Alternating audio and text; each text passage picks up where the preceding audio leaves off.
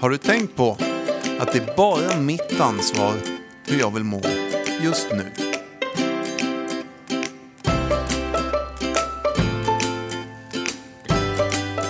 Och välkomna till eh, Sveriges kommande största podd om fyllon och alkoholism och annan skit med Jesper Åberg och Freddy Amboy Kalmeby.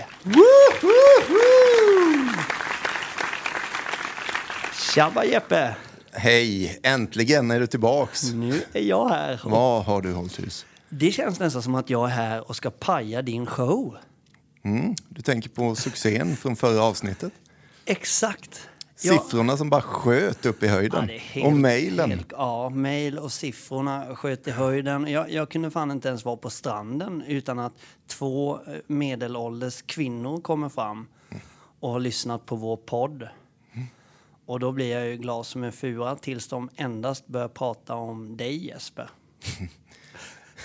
och då... Det kunde blivit slagsmål på stranden. Just det, du fick en liten törn där ja. Ja, men du fick, du fick faktiskt känna, alltså du, eh, du framkallade genom dessa två människor avund, bitterhet och ilska hos mig. Så går det när man inte är på jobbet vet du. Ah, shit. är, det är bara ditt ansvar hur du vill må nu. Ja, det är det. Ja. Hur mår du? Om, om vi kopplar bort det då? Nej, men jag mår, väl- mår väl bra. Jag är smickrad. Det har varit ganska mycket mejl. Jag får väl brösta upp mig lite här då. Sen det här lilla märkliga avsnittet som var 18 minuter långt ungefär eller något sånt. Och sådär. Så har vi fått en del eh, andra vinklar från lite yngre publik om vad fasen pratar ni om kristendom och grejer? Ja, min brorsa hatar ju det numera. Så jäkla. Eh, Målet är nått. Eh, men eh, till honom och er andra så har jag bara en sak att säga. Jag pratar om vad jag vill i min podd. Ni får skaffa en egen podd så får ni prata hur ni vill. Och jag sa det också rakt ut. Jag skiter i om du är kristen, muslim, buddhist eller vad du än vill. Jag har inget av det. Mycket bra sagt Jesper. Mycket bra. Jesper. Åberg. Tack så mycket.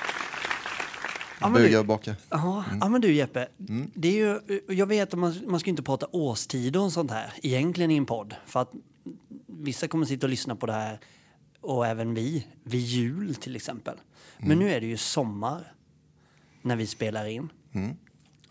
Och jag får för mig att det typ är denna veckan som är första veckan. Alltså typ runt vecka 33. I början på augusti. Semestrarna är slut. Domedagen är här. Domedagen är här. Shit. Och så många gånger jag själv har känt fan vad jag har druckit. För man släpper loss det lite på semestern. Nästan som att nu under semestern så kan jag släppa loss. Inte, inte att jag tänker nu under semestern, jag rättar mig själv. Jag tänker för om tre veckor, då ska jag ta tag i det här. Alltså att du, har, du sätter upp ett mål för dig och familjen. Att om tre veckor, då, när, semester, när jag börjar jobba igen, då får det räcka. Nu får det vara slut på det här. Nu, nu, nu- nu ska jag vara nykter. Nu blev det så mycket. Men för mig var det ju misslyckandets tid som började nu. Ja. Det är ju nu jag satte igång att misslyckas igen. Ja, du har helt rätt. Absolut. Jag, först tänkte jag, vad menar han nu? Men, eh, för jag satt väl och stirrade mig blind på vår lilla whiteboard här där vi har skrivit upp den här perioden som är nu också. Andra sidan av myntet. På ena sidan så är det där misslyckandet du säger. Men på andra sidan så är det ju det fasta beslutet, 100 procent. Jag menar allvar. Jag ska aldrig mer dricka. Och så går tiden, som vi brukar säga. Och så börjar man bli lätt irriterad, lite missnöjd. Livet börjar bli orättvist och rastlöshet. Och det är inte kul längre att vara nykter. Och så är det dags igen. Och då kommer misslyckandet som du är inne på. Ja. Ja. Så det är väl helt rätt benämning kanske. Misslyckandets tid är här. För jag För tror många. alla, och jag tror det är så jävla vanligt, eller för mig, jag ska inte raljera, men jag tror det. Eller jo, jag raljerar hur mycket jag vill i min podd. Och då gör jag, och då säger jag så här, jag tror att de flesta, inklusive jag, för det, det är så att, att man då när, när någonting nytt börjar, för det, alltså det, det är nästan alltid så, åker du till Thailand i 14 dagar, de två sista dagarna så börjar du längta hem till jobbet och du börjar bli orolig, har jag missat något och sådär. Tills du kommer hem ifrån den här långa resan och inser att, ja men fan, vi skulle ju kunna vara kvar en vecka till, det har inte hänt ett skit, vad skulle jag stressa hem om? Och då tänker jag så här att när du har haft semester ett tag och du har ett par fyllor i, eh, för mycket i, i, rygg, i bagagen så längtar du efter att få börja jobba igen. Så, så, vi, vi har ju den störningen, vi människor. De flesta längtar efter att börja jobba igen när semestern har varit ett tag. Och likadant Det, det får nog stå för dig. Alltså. okej. Ja, men ja, jag Jag älskar har nog att jobba. aldrig känt så. Nej, okej. Men jag älskar, jag älskar att- att jobba. Då är det dags för dig att göra en förändring i livet, Jeppe. Mm. Då måste du byta jobb. Jag köper, jag köper ditt argument där faktiskt. Jag fattar vad du menar. Men i alla fall, Mm. då är det så jävla lätt att när man, när man liksom, nu är semestern slut, att man förknippar det med att massa nystart. Ungefär som på måndag ska jag börja träna. Jag ska gå upp tidigt, börja träna och jag ska göra det här och det här och det här. Allting på en och samma gång. Mm. För att du egentligen vet någonstans att du kommer misslyckas längre fram.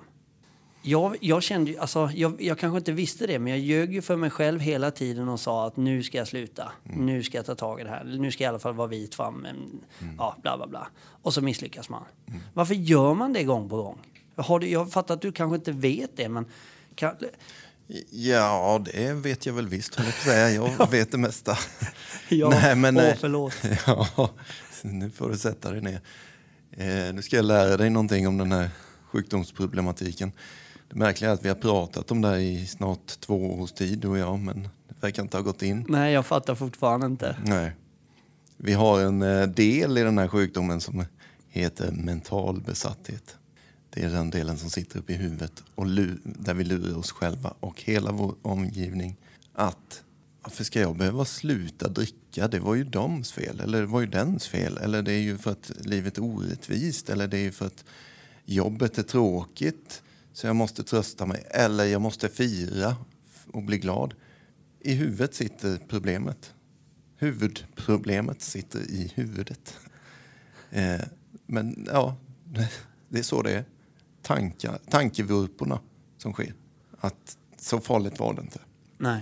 Och vad jag har tjatat om det här känner jag nu, men jag säger det igen. Det går ju tydligen inte in i huvudet på... Vissa. Eh, nej, men så, så är det. Eh, om, om inte det duger så tycker jag, varför inte ringa till Danne idag någon gång så kan vi prata lite med honom också.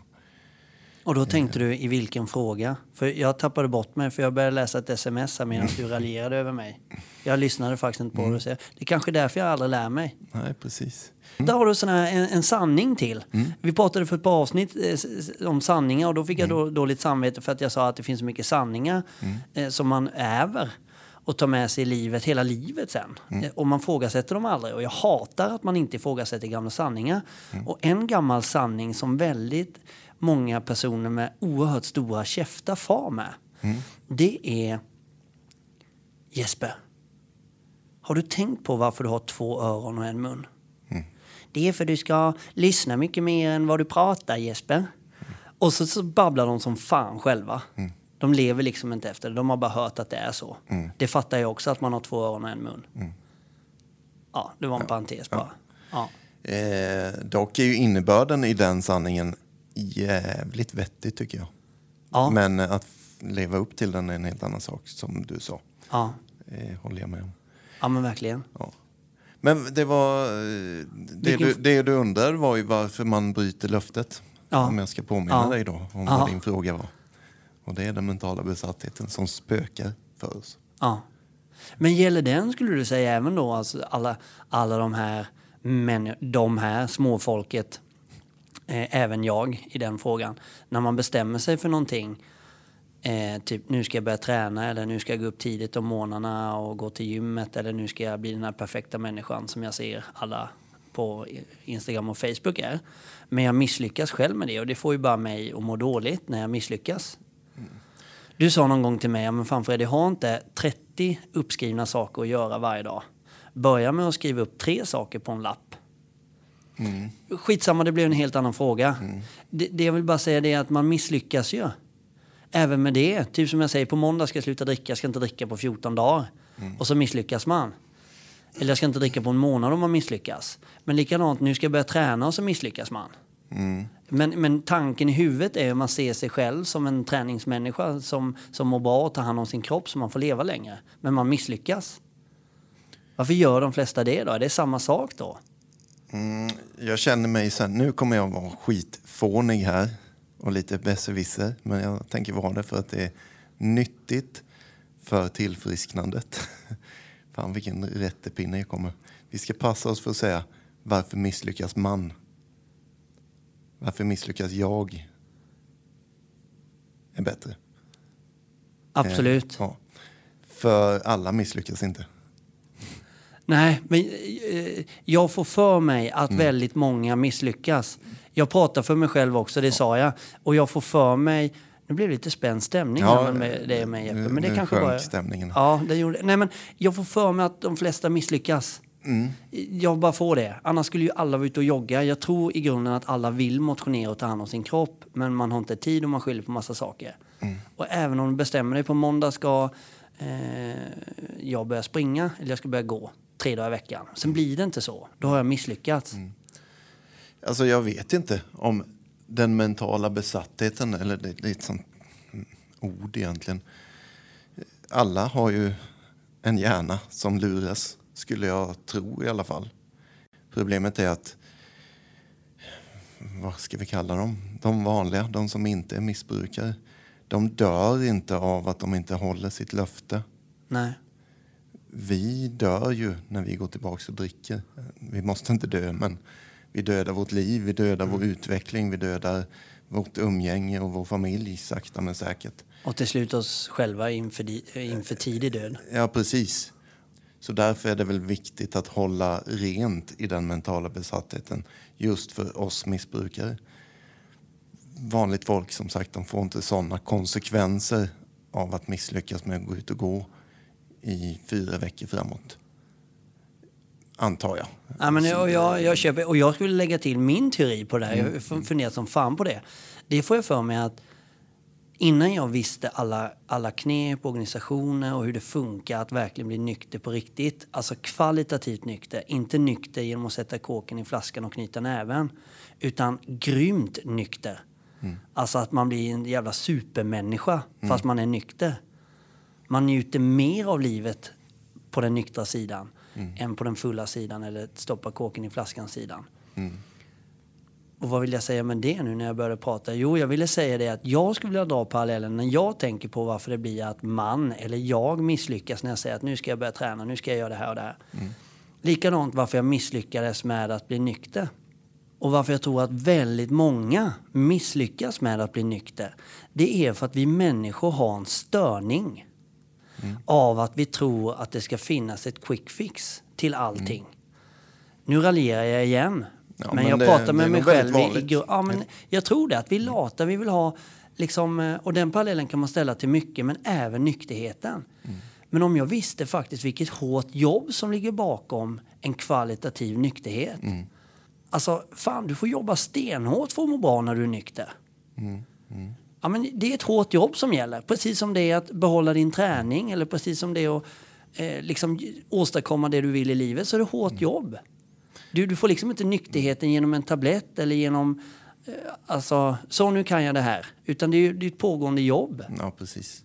Det fina med det hårda arbetet, vare sig du jobbar med nykterhet eller går och tränar på ett gym eller tränar simning, vilket du vill. Det fina med det hårt hårda jobbet, det är ju ändå smaken av resultatet som ändå kommer ganska så tidigt. Vad du än sätter igång och jobbar med. Ja. Så att man inte får för sig att det är bara stenhårt jobb att vara nykter. Fast du säger du ju å andra sidan att få den här härliga nykterheten. Det är den man är sugen på. Eller jag tror jag har sagt det till dig tidigt. Jag, har aldrig någonsin varit intresserad av en nykterhet som innebär att hålla sig nykter. Nej. Sten, vita knogar, bita ihop käkarna, vara irriterad på alla möjliga människor. Alltså sådana, sådana nyktra alkisar och eh, knarkare finns det där ute. De är ju inte särskilt trevliga att umgås med. Nej. Jag går till mig själv där. Jag har alltid sagt det. Jag är hellre full eller påtänd än att gå runt och ha en sån nykterhet. Den är bara vidrig. Det är som att spänna en pilbåge brukar jag säga. Hårdare och hårdare och hårdare. Tommy har ju pilbåge så han vet ju vilken kraft det blir i pilen sen då när man inte orkar hålla längre. Ja. Det blir stenhårt återfall. Och då kör man. Då, och det har, en, det har inte ens varit en trevlig nykterhet. Nej. Ja. Skitbra Jeppe. Bra förklarat med pilbågen. På riktigt. Jag tänkte faktiskt glida in på det. Vi har ju två frågor då direkt till vår, eh, vår sanning i eh, vår lilla podd som heter Två fyllon och en sanning. Sanningen heter ju Danne. Jajamän. Jag tänkte väl kanske att vi borde ringa honom. För jag vill ha mer svar på, och det är väldigt många lyssnarfrågor också, som handlar om det. Fan, jag är nykter i perioder, men däremellan mår jag piss.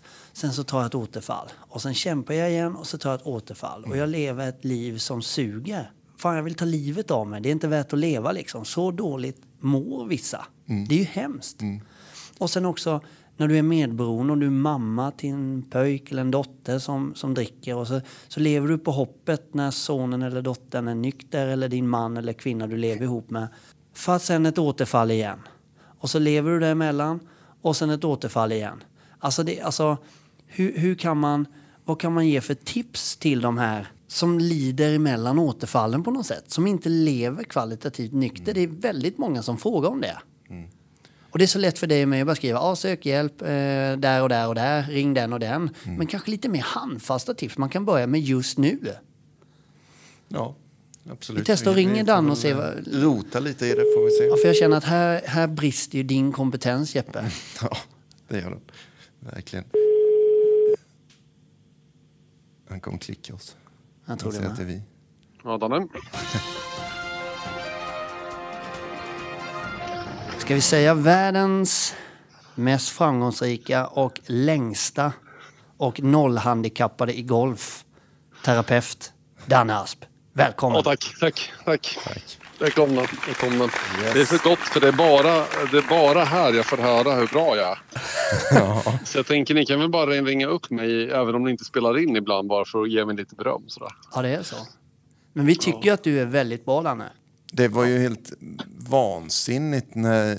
Det var ju bara två veckor sedan eller något. När du visade i din telefon eller vad det var att äntligen så har du 0,0 i handikapp. Ja, men precis. Det, det måste varit en tröskel även för dig som är, redan Ja, är var kul. Men alltså Det det stämmer för jag trodde Jeppe ljög för du har ju sagt att han överdriver hela tiden. Mm. Men du har alltså 0,0 i handikapp i golf? Jag hade, nu är det lite högre igen. Nej, Din jävla sopa. Ja, ja det är så bedrövligt. dålig du är. Ja. Ja men shit. Ja, så där gick den Ja, ni självkänslan åt idag helvete. då? Nej, idag har jag och Jeppe varit lite osams här för en fem minuter sedan. Han Mm. tillrättavisade mig. Och, eh, Han sitter och pratar i manform hela tiden. Du vet vad jag tycker om sånt. Ja, det går inte. Ja, Lite, lite tillfrisknande här vill vi ha. Ja. Jag-form pratar vi. Vi tar ansvar för oss själva. ja, det är en hel del raljerande från min sida idag känner jag. Ja, ja. Nej, men, och, och vi, hur är det med dig förresten? Hur är det? Hur är läget? Jo, men det är bra. Det är ju nyligen börjat jobba igen efter semestern och nu är man på banan igen här efter snart första veckan. Det är ju ångest ju. Ja,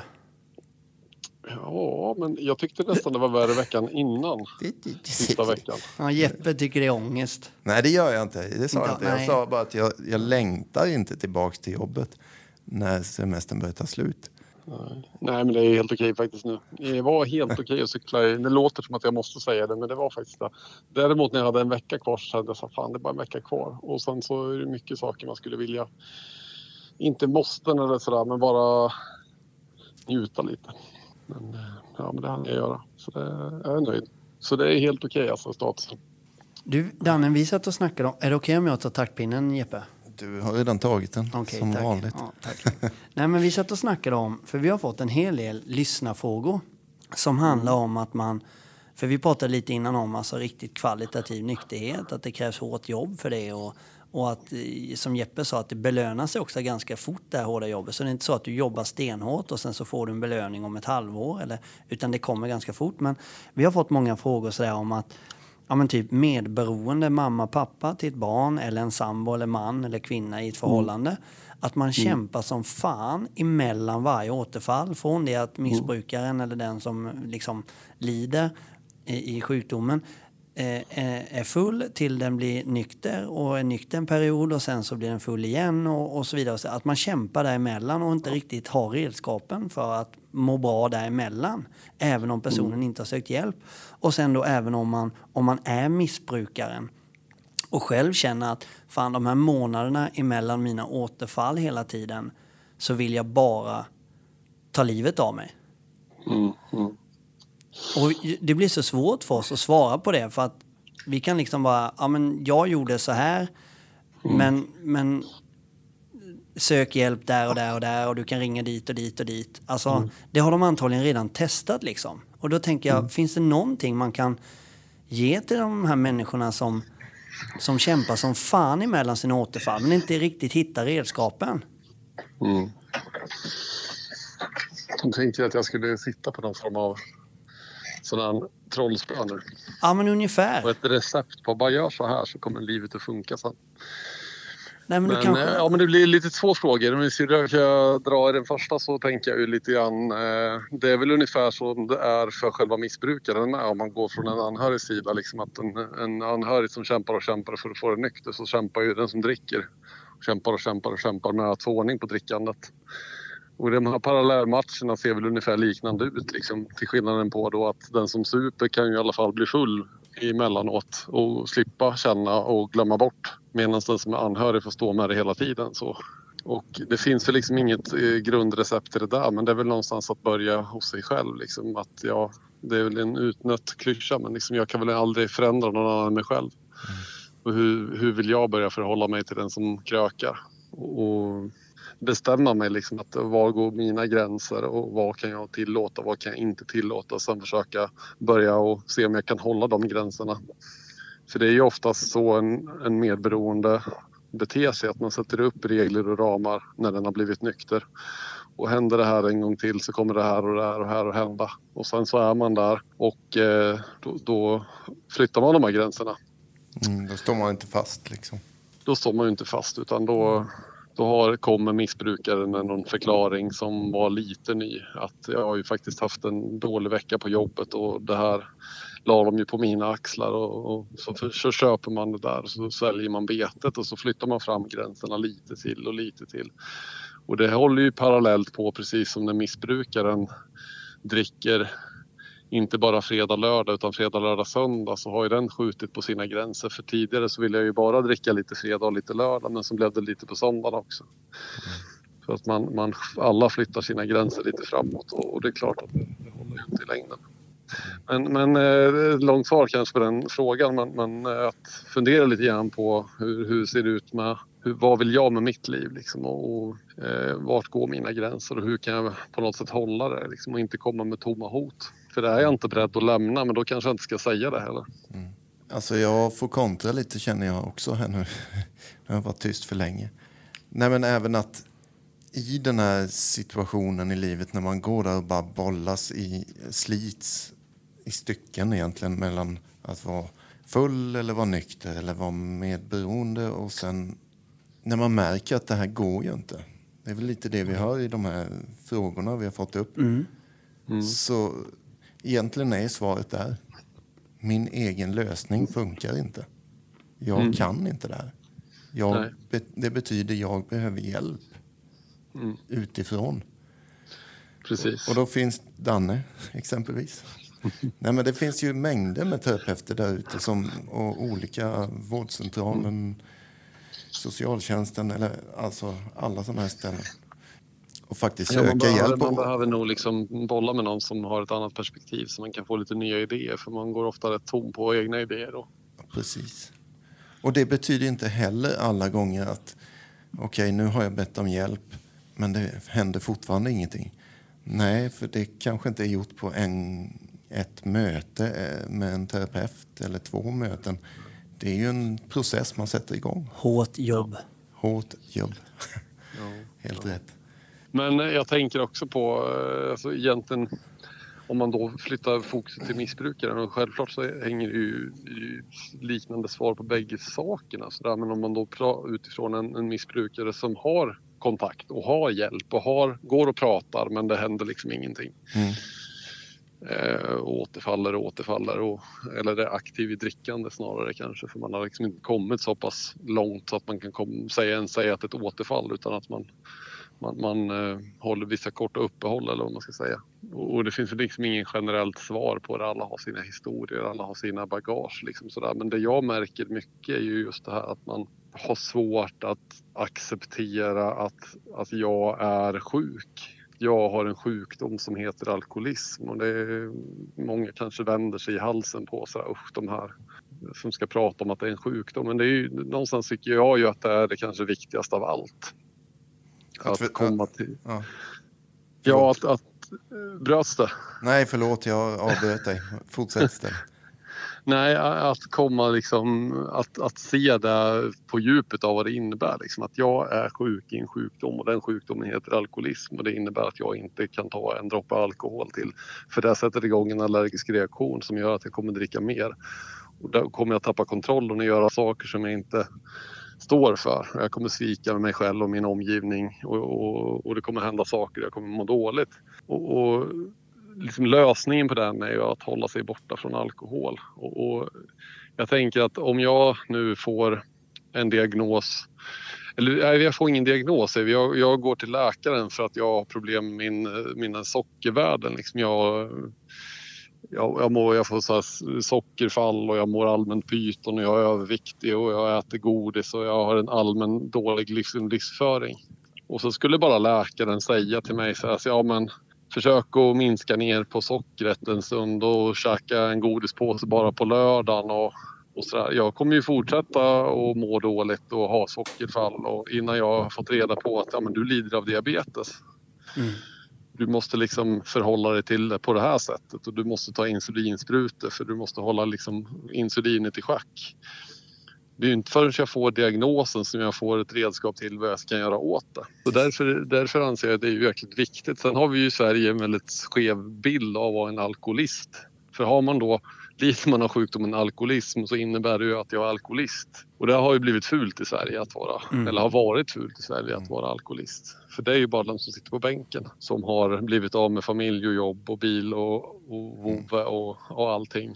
Och sitter och väntar på att klockan ska bli tio innan bolaget öppnar igen. Och liksom, det är väl den bilden vi behöver slå hål på. Det är ju inte alls många som, som har det så. Utan de flesta har ju en familj kvar, ett jobb och en karriär. Och, Mm. Eh, men lik förbannat så är jag ju precis lika mycket alkoholist som den som sitter nere på bänken. Mm. Skillnaden är väl att den har några mirakel bakom sig som gör att den faktiskt sitter där. Den borde ha varit död för länge sedan.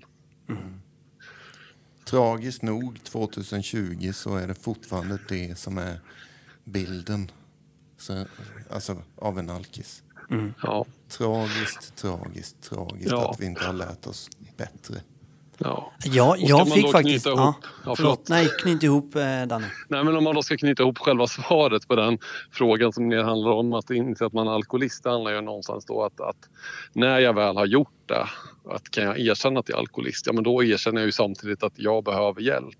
Mm. Och jag är beredd att göra precis allt som står i min makt för att göra precis det jag behöver göra för att bli frisk. Liksom. Och där tror jag det är väldigt alla långt ifrån alla som söker hjälp och tar emot hjälp som, som, som, som känner innerst inne. Och jag tror att börjar man närma sig där så är det lättare att faktiskt att det ska funka när man väl söker hjälp. Mm. Ja, fan, vilket, vilket bra svar. Ja. Jag fick faktiskt den för en rätt kort tid sedan när jag pratade med en väldigt nära anhörig till mig. Mm. Väldigt nära anhörig. Mm. Men Freddy. Ja, vi börjar ana vem du var. Ja, men, men Freddy. Söp du verkligen så mycket så kallar du dig för alkoholist? Mm. Gör du verkligen det? Mm. Söp, söp du, alltså, och så gav han några exempel liksom. Var, var du sån? Ja men det var ju precis sån jag var. Jag, jag hade ju bara folk runt omkring som såg till att jag kunde leva ett normalt liv. Mm. Hade jag inte haft dem så hade jag varit precis sån. Mm. Det, hade, det hade i alla fall lett dit. Mm. Och jag pratade faktiskt, det kan leda in till en annan fråga som jag har. Mm. Och som jag, jag pratade med en som, som skrev till oss. Och, ja, men, um, jag har supit mer eller mindre i 20 år nu. och jag är full nästan varje dag. Liksom, det har blivit normalt för mig att vara onykter. Men eh, du vet, jag kan ju fortfarande sköta jobbet och eh, jag har fortfarande kvar samma familj och allt det här. Jag har ju, jag har ju kvar allting. Ja, men vad fan. Det är ju bara för att man har haft alla runt omkring som krattar och tar hand om det. Är det inte så? Hade, hade man inte haft de som tar hand om allting runt omkring medan du är sjuk i din sjukdom som heter alkoholism så hade du inte haft ett skit av det du har idag. Ja, men visst är det så. Visst är det så. Eh, sen så finns det ju också den sidan av det att de... Alltså det kan ibland låta när man pratar om att, att det blir mycket pajkastning mot de anhöriga. Att de, plå, alltså de plogar vägen, bara låter det gå. Liksom så här. Självklart så gör ju alla nära anhöriga gör, gör ju det med ett gott hjärta Ja, men i tro om att det här ska hjälpa. Jag, vill, jag ville bara förtydliga den bilden. Ja men såklart, och det menar jag också. Men jag Ja, bara, jag förstår det, det. är ju deras egna okunskap och även min Ja, under hela min uppväxt och min frus. Att, Mm. Att det är okunskap, att man, man faller in och insjuknar lika mycket som den sjuka liksom. Ja, ja. Men, men man ska fan inte tro att om man har, och vi pratar ju klarspråk i den här podden, att man ska fan inte tro att man inte är så sjuk bara för att man har allting kvar. För det, det är inte på grund av dig allting är kvar, eller på grund av mig när jag är sjuk, utan det är ju på grund av de som krattar manegen. Av kärlek såklart. ja.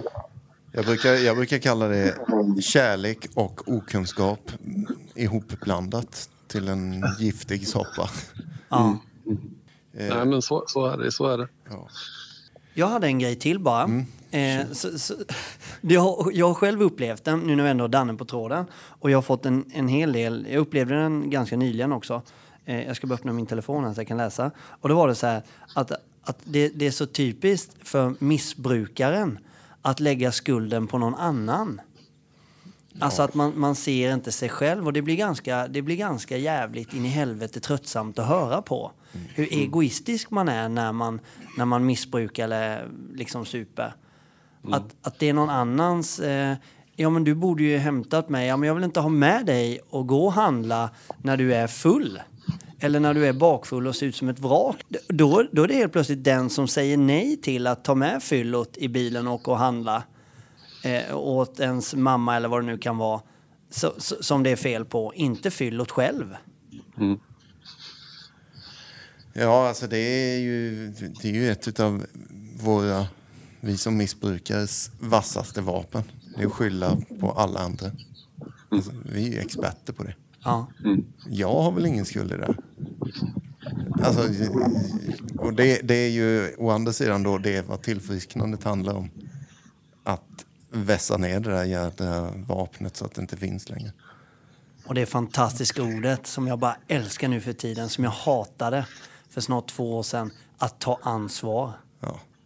Det är mäktigt.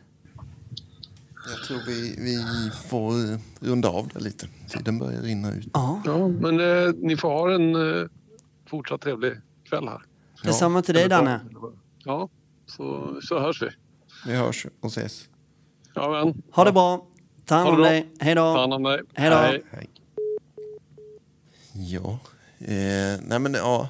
Jag, jag satt och tänkte på så här också, som vi inte ens har nämnt, hur glada vi är för alla mejl. Alltså, vi kanske skojar om det ibland och sådär, men på riktigt. Vi har fått vara med lite i tidningar och sånt där sista tiden. Det är ju skithäftigt såklart. Och tacksamt. Ja, jag, jag skulle precis säga det och jag sa det till min fru häromdagen, Elin. Tacksamhet stavas det. Ja, i allra högsta grad. Ja, jag är så jävla tacksam för, för ni som skriver och hör av er. Och tidningen respons. också för den delen, som, som tar sig an det och skriver och gör grejer på den för att det behövs liksom. fick nyss en sån här liten eh, på Instagram. Vi har ju Instagramkonto för er som inte vet det. Vi har Facebookkonto och vi har poddar överallt där podden finns, po- poddarna finns.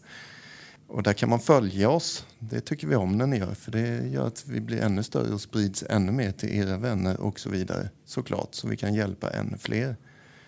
En annan liten sån detalj jag bara vill lägga till om man får fjäska in det sådär. Jag gör det nu för jag har aldrig gjort det. Jag tycker det. Ni får gärna inte bara följa och dela och gilla oss på sociala medier utan kanske nästan ännu viktigare, gå in och följ oss där, där ni lyssnar. Om det är på Spotify så följer ni där. Om det är på Podcaster ja, eller Och så vidare. Podbean. in och följ för att det gör faktiskt att det här budskapet når fler människor. Vare sig ni tror det eller inte. Men så funkar det. Och du ville läsa något va? Som Ja, nej men, skrivit. nej men det, var det. Vi fick ju precis här nu. Och precis när vi, innan vi skulle börja spela in det här avsnittet så fick vi ju.